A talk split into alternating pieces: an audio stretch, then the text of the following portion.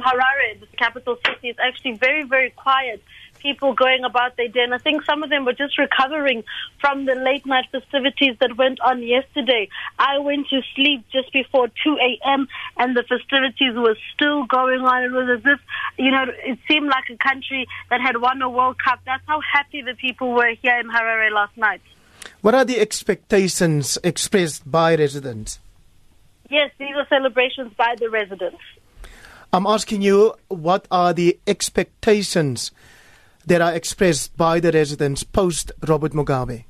Many of them are, are basically speaking in one word or one narrative that the next president or the next leader of the country needs to outline the plans of how they're going to pick up as an economy. A lot of them saying that they don't have jobs, they can't afford living here in Zimbabwe. The cost of living is really, really high.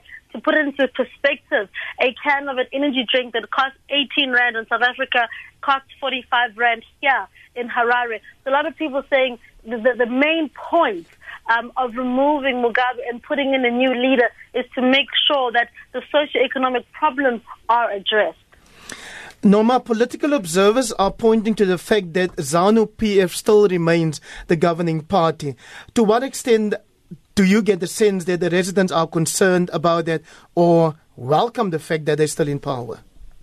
Um, looking at it from from my side, people aren't looking at it from a political point of view. They believe that the reason why their country has actually gotten to these levels because President Mugabe was listening more to his family rather than looking at the interests um, of the nation. We do know that on Sunday, um, the Central Committee of ZANU PF had committed to reform within the party as well as the government, saying that they need to change the way they do things to ensure that the national interests of the people are put ahead of personal power and personal interests.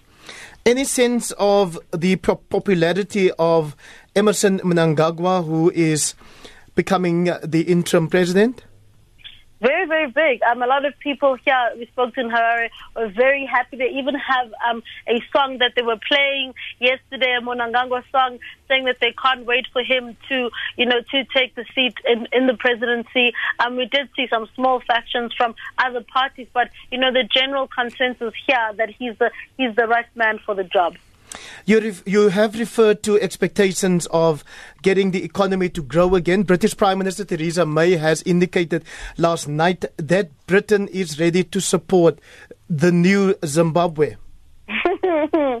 I don't think Zimbabweans will be ready, um, you know, to accept that offer. We do know that um, ever since they've been in, in, in, in this sort of trouble, they've been saying the world has ignored their plight. And only now that they've stood up um, that they want to intervene. So I think you know, speaking to the people, they'll be ha- they'll, they'll be happy to say no, thank you, Theresa. We'll do it ourselves. What is going to happen today? You said it was very quiet. People were just going about their normal uh, lives um, as if they celebrated last night and just continue today. Uh, what are, what are you expecting to happen today? Well, the media has been invited to the airport at one o'clock to receive um, Emmerson Mnangagwa. Apparently, he'll be landing in Harare this afternoon. We also expect ZANU PF to actually swarm, swear him in as the interim president because, you know, they do have two days, uh, 48 hours since um, from the time that President Mugabe handed in his resignation. We expect, expect that by this evening he should be sworn in, and we should we should see where we're going to take it from there.